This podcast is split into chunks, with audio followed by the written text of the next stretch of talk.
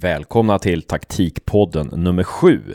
Jag heter Hasse Karstensen och den här gången så pratar vi med fotbollstränaren Brian Clairhaut, en av de nya, unga, välutbildade tränarna i Sverige som går sin egen väg, som är intresserad av scouting, taktik och pedagogik. Vi pratar med Brian om hans influenser från Leipzigs tränare Julian Nagelsmann, men vi kommer även in på andra inspirationskällor förstås. Efter det här snacket så har jag och Josef Karstensen ett efterprat om vad vi lärde oss av den här intervjun. Som vanligt har vi en tävling och tävlingen går ut på att retweeta Taktikpoddens tweet från den 4 oktober.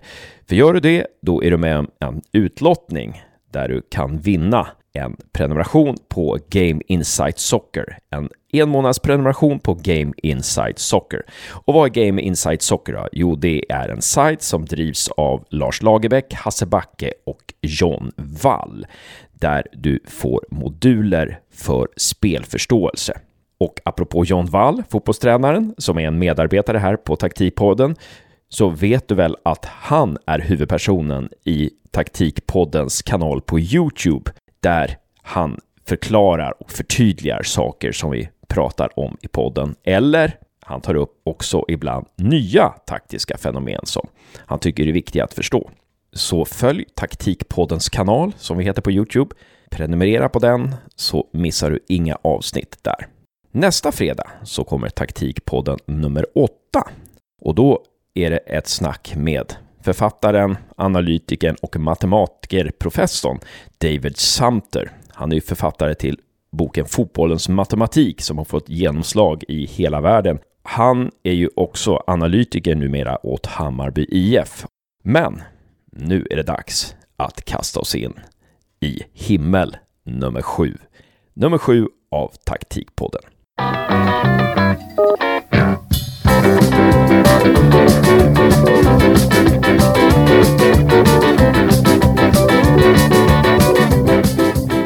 Welcome to Taktikpodden, Brian Clarhaut. Yeah, nice, nice to meet you and have you here. People here in Gävle, Uppsala, anyway, they look upon you as a, somewhat of, of a Graham Potter in Spe in a few years' time. And let's see what the future says about that. But the things I know about you, anyway, is that you played in, in the US uh, for a couple of years and then you uh, went into coaching and you coached in the US and then you came to over here to Sweden. Uh, and uh, in 2017, you uh, became head coach of Nyköping in the first division and uh, you took them from relegation spot to the fourth place. And since then you you added another 18 months uh, to your coaching career in Nyköping's um, BIS and uh, yeah that's pretty much where we are now. Uh, would you like to add anything? Yeah that sounds uh, correct. Will be interesting to follow your career in Nyköping and the first question is uh, the same question as I've asked uh, everyone so far in Taktikpodden. Um, is it possible for you to speak about a certain experience or a particular person that sort of gave birth to your interest in football tactics? Yeah, I think uh, when I first get uh, started coaching in 2010, I was uh, lucky enough to join a guy named Tim O'Donohue. And uh, he brought me under his wing. I was 22, 23 at that time, and he was a big student of the game. And I remember clearly uh, us getting our hands on, I think it was uh, Mourinho's 33 exercises when he was at Chelsea, and us really digging into that and kind of looking into his philosophy and how these exercises translate into that that Chelsea team. And then you have uh, his uh, scouting reports against News, Newcastle that Villas-Boas did. So I think during that time I was really digging deep into becoming a coach and really becoming a student. I think Tim O'Donohue was really open to that, and he was progressive enough to to look into those details. And I was lucky enough to be in that type of situation. Uh, great, great to hear.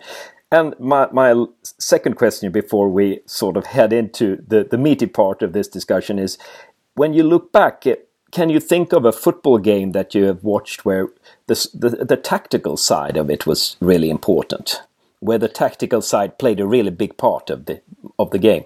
Yeah, I think uh, when you watch uh, any type of Champions League, and I know I've, I've told you in the past, uh, I'm a big fan of Nagelsmann's adjustments, and I think being in Division One Norra, uh, you thrive for that to see, okay, can we make this into a chess match? And I think one of the best games and uh, the most satisfying games that I had an experience to be a part of was playing Karlstad United away last season, and it ended in a tie uh, against David Eklund, uh, Karlstad United, and it was really satisfying because he was going into uh, changing formations, and we were going into Plan B, and he would counter that, and then okay, he countered our Plan B, then you kind of go into your Plan C.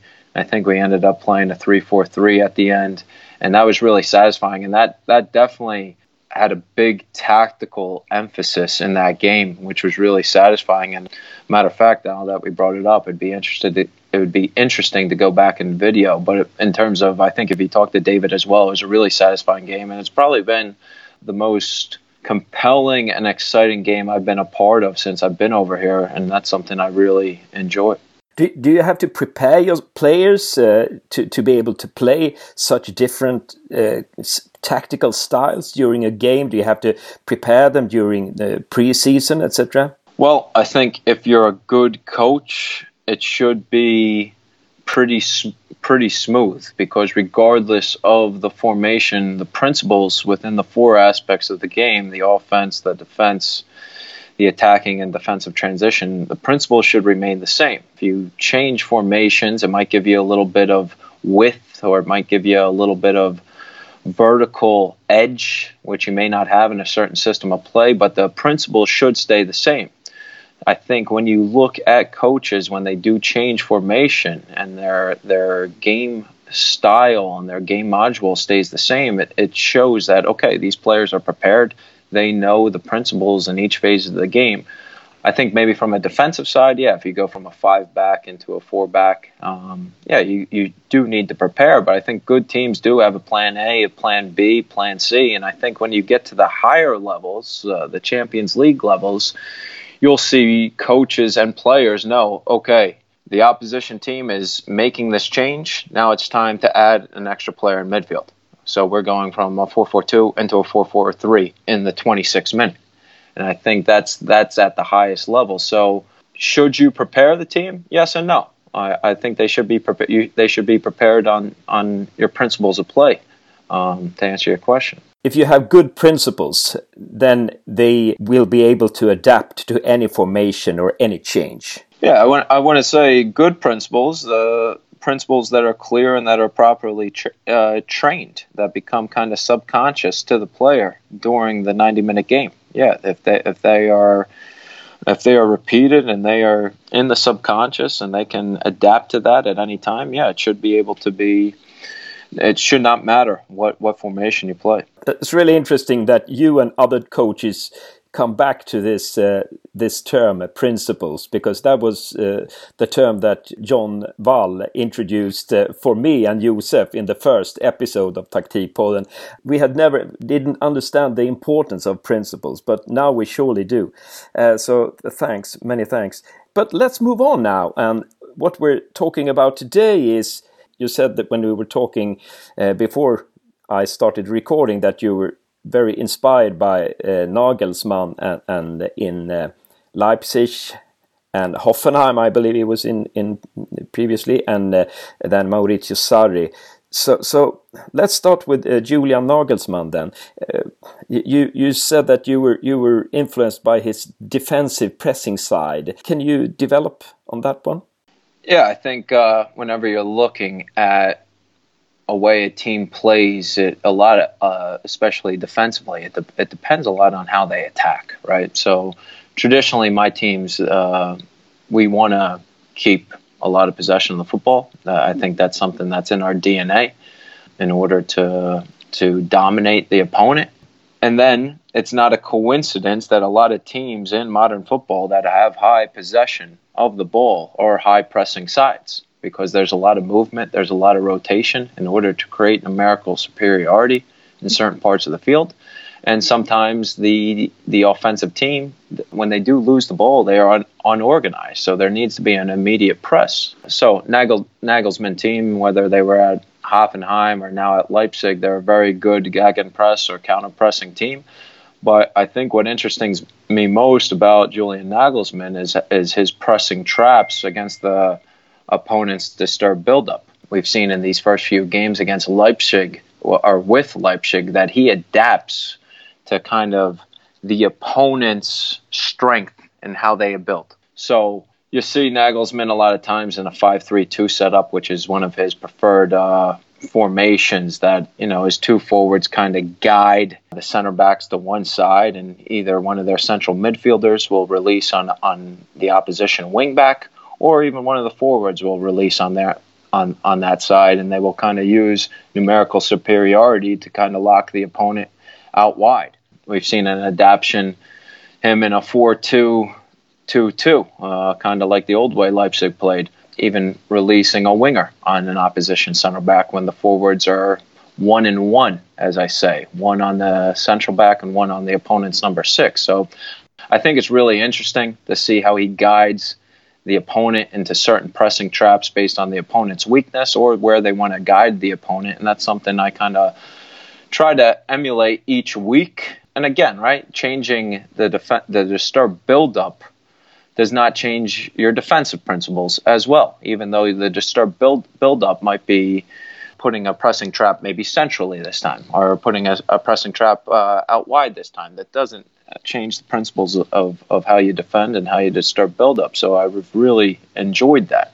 So to know how to press or where to press your opponent, you will have to do some studying beforehand. You you will you you have to know where your opponent's weak sides are. Yeah, definitely. I think, uh, for example, we played Gävle two weeks ago. Previous game, they had a, a good convincing win against TG away, and we saw that they were really heavy using numerical superiority in the wide channels of the field.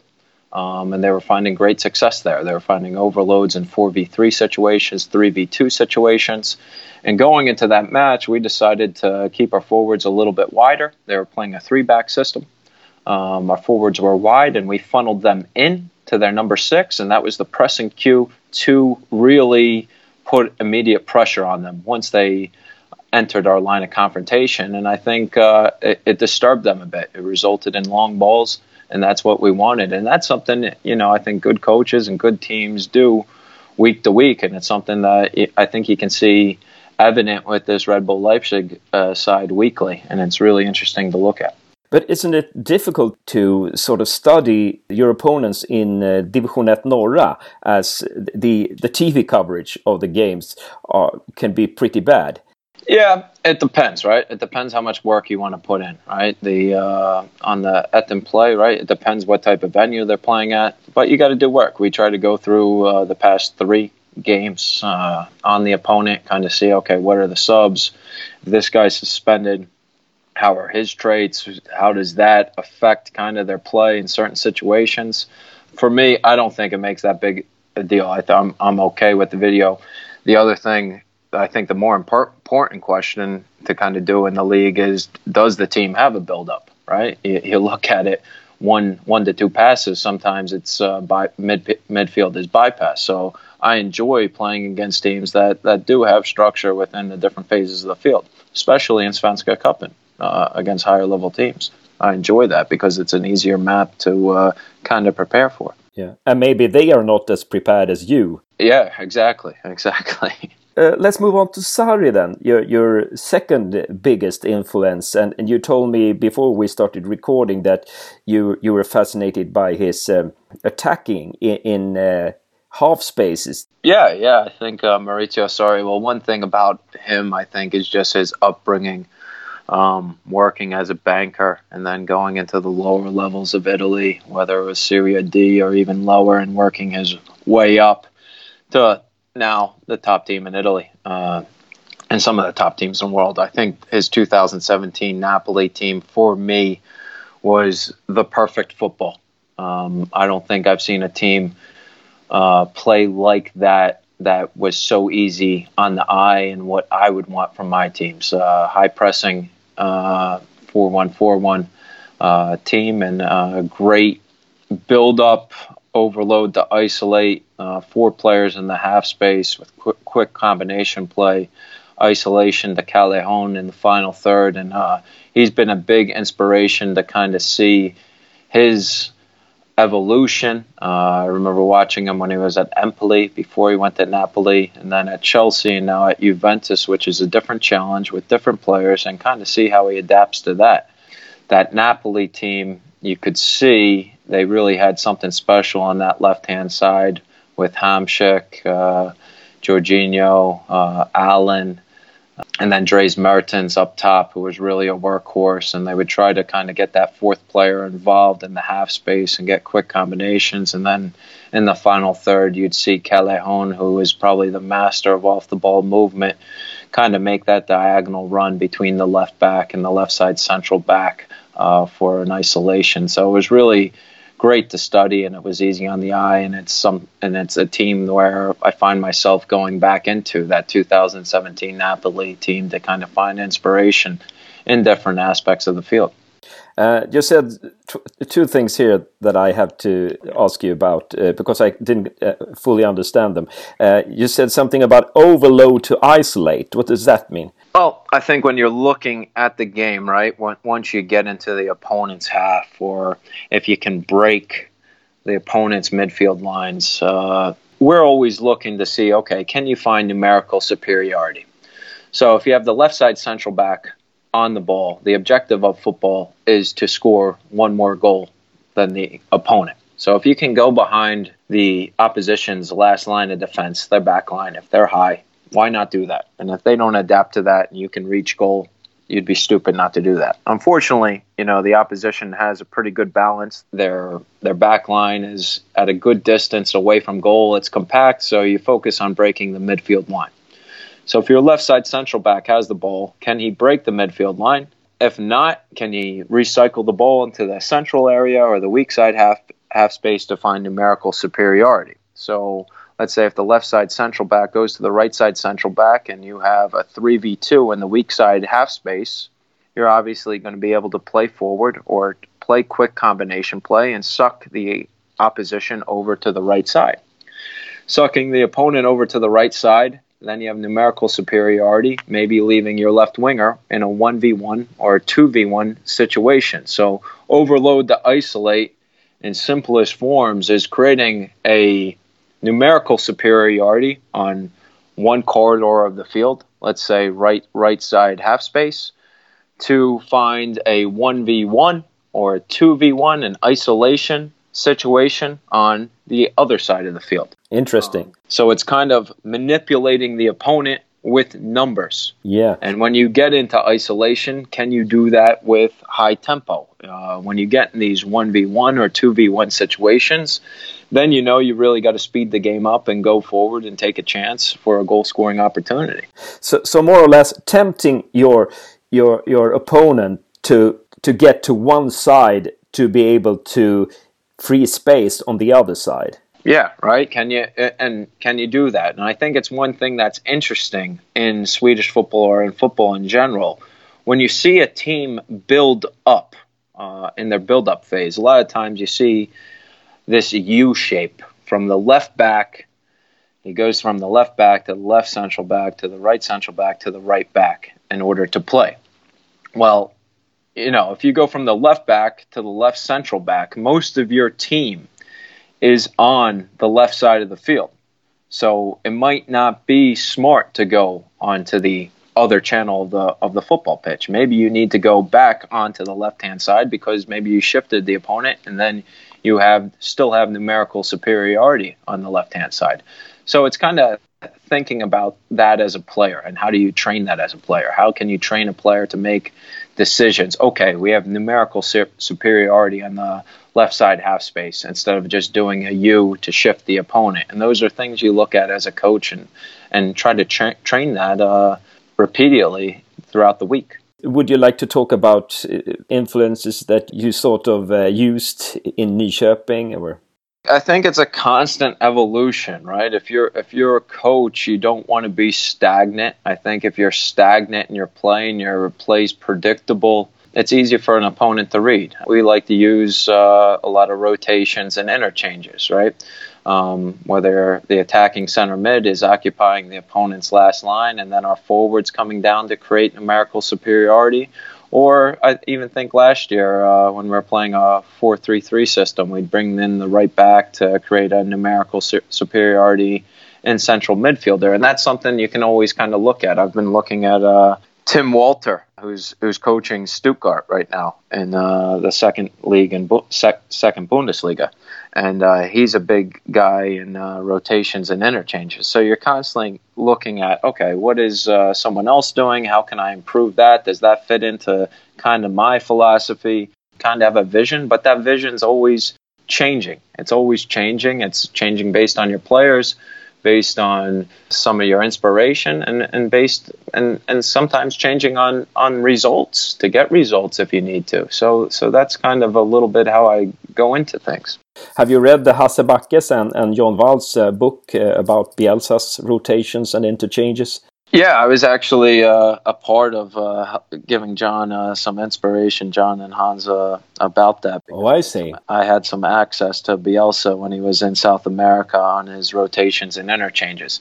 Um, so, so I have a lot of video and powerpoints from there, on straight from Bielsa. So that was so I was I was involved in that, and I've read it, and I think it's a, a very interesting book. And uh, Bielsa is obviously the master in uh, creating that type of play, so it's it's really cool. But but uh, don't don't you have to work a lot with the players to to make them be able to do all those things? Because uh, for an amateur, as I, when I re read that book, it, it it seems very uh, complicated. You you really have to to know what you're doing. You, you're you change you're changing places with your with your uh, teammates, and uh, you're running you're running in certain angles, etc., etc.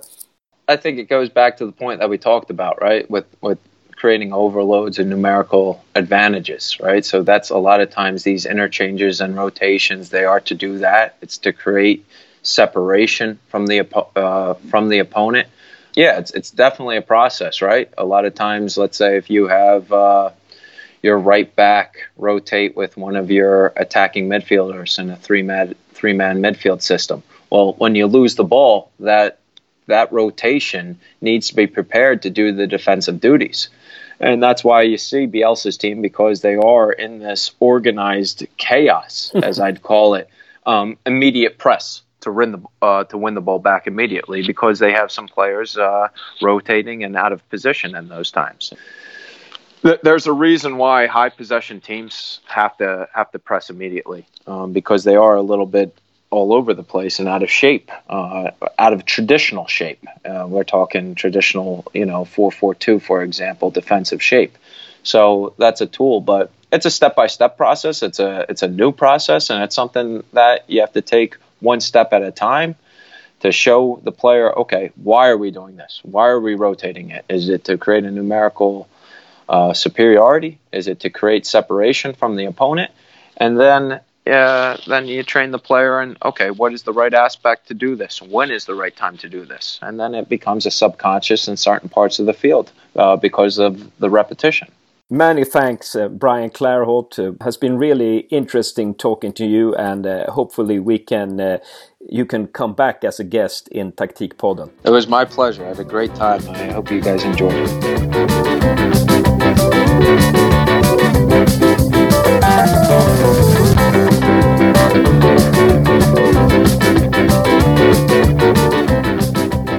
Ja, då sitter jag och Josef här på kvällskvisten efter att jag har snackat med Brian Clairhaut lite tidigare så sitter jag och Josef nu och ska försöka analysera vad vi har lärt oss av det här och vad vi fascinerade oss av. Jag har ju några saker som jag fascineras av. Det, det jag framförallt fascineras av det är overload to isolate. Det kan vi komma in på sen. Det var det här med Sarris eh, grej. Eh, någonting som du särskilt fascineras av Josef? Eh, det var också faktiskt overload to isolate. Eh, lite tråkigt att jag håller med dig med det första jag gör men Det var det första jag verkligen reagerade på. Sen tyckte det var intressant hur han ansåg att Sarri spelade den perfekta fotbollen. Varför han föredrog att möta bättre lag. Och eh, sen fick, eh, kom jag på en fråga. Eh, med tanke på att den här eh, Brian känns väldigt, väldigt eh, skicklig på det han håller på med. Känns väldigt kunnig. Fast han håller till lä i lägre divisionerna. Han håller till under elitfotbollen. Som du öppnade så kändes det som att det här kunde vara nästa Graham Potter. Vad är det som gör att internationella tränare ofta hamnar i de lägre divisionerna? Så jag undrar lite så här. Vad skiljer sig de internationella utbildningarna mot det svenska? Även fast alla sitter på Uefa Pro och liknande vad det internationella ofta för med in i den svenska fotbollen som är så lyckosamt. Vad jag förstår så har han, Brian Clairhaut, det har jag hört från andra håll, att han har uppmärksammats av utländska agenter och utländska klubbar för det han gör i Sverige. För att han är tydligen, det han är väldigt duktig på är ju att han är duktig på att byta strategi under match och träna in olika principer och sådär. Precis det som Graham Potter kom med. Är det någonting, nu är inte jag expert på det, men är det någonting som gör att de liknar varandra är ju det där att både Brian Claret och Graham Potter är väldigt bra på just det här att jobba in grundläggande principer som gör att man kan byta strategi, byta formation under en match. Ja, eh, exakt. Han som han tog upp det där med hans eh, utvalda match där med Karlstad. Att det blev som ett, quack, ett schackspel mot en annan internationell tränare. Att man försökte spela ut varandra strategiskt genom att förändra saker under match. Sen undrar jag om det kan vara så, jag menar med tanke på att han är otroligt välutbildad, han har jobbat bland med de bästa tränarna i USA. Så undrar jag det om inte, om inte engelsmän har, har bättre, på något vis, har det bättre förspänt när de kommer till Sverige att åh, en engelsman, men alltså en amerikan måste bevisa lite mer att eh, han har kvalitet eller hon har kvaliteter. Eh, känslan är ju dock att vi får ju knappt några engelsmän till Sverige. Eh, det är ytterst få utländska tränare överlag. Och när de väl kommer in så slussas de nästan lika snabbt ut. Jag tänker då på i allsvenskan lite Allan Kuhn och Jakob Mikkelsen. Det är förhållandevis väldigt låg kvot av utländska tränare i Sverige. Det är förvånande verkligen. Det som imponerar med Brian Clairhot när jag pratar med honom och det kanske du upplevde när du lyssnade, att han är så otroligt intresserad av fotboll. Han är så otroligt eh, liksom, intresserad av fotboll på hög nivå. Och han jobbar alltså med Bielsa-taktik i ett division 1. Han jobbar ju mycket med platsbyten och eh, rotationer till exempel. Det är ju väldigt fascinerande alltså. Han verkar vara väldigt bra på att scouta också. Det är ju spännande att han, att han gör det här ja, med ett lag på i princip amatörnivå. Det skulle vara spännande att se hur Brian skulle hantera och hur mycket han skulle få ut av ett lag på högre nivå. Vi båda hade ju fascinerats av det här med eh, overload to isolate. Förhoppningsvis eh, kommer John Wall i en kommande videopodd visa det, vad, vad det innebär. Men jag förstod det då som att eh, det här med overload to isolate, att man, att man samlade mycket folk på en del av planhalvan för att frigöra utrymme på en annan del av, av planen. Var det så du fattade det? Jag håller med dig i det du säger. Det var också min bild. Uh, och jag fick även en så här tanke från när John visade på att splitta backlinjen. Att det var nästan ett exempel. Det här med att man överbelastar en viss yta vilket gör att man även isolerar laget. Det är väl nästan lite så jag kanske har tolkat att splitta backlinjen. Att du överbelastar ena sidan vilket tvingar laget att spela på den andra sidan. Precis, det hör ihop på något vis där. Väldigt bra. Eh, någonting mer där som du tog med dig från Clairholt? Det jag även tog med mig av från Clairholt var ju hur han berättade om att bara för att man byter kant i en U-formation, att man går från högerback till höger mittback till vänster mittback till vänsterback och har fått en förflyttning på laget så kanske man måste ha koll på vart man har övertaget fortfarande bara för att man gör ett kantbyte betyder inte att man har övertaget på den kanten. Utan man måste ha lite koll längre fram med banan på vad, eh, vart man har sitt lag. Ja, men där kan vi nog ge oss, Josef. Vad, vad säger du? Ja, jag tycker det blir bra. Det har varit en intressant vecka med Brian. Verkligen. Det ska bli spännande att följa honom, se hur det går för Nyköping, avslutningen här och det ska bli spännande att se vart han tar vägen nästa år. Vi hörs! Det gör vi. Ciao! Ciao!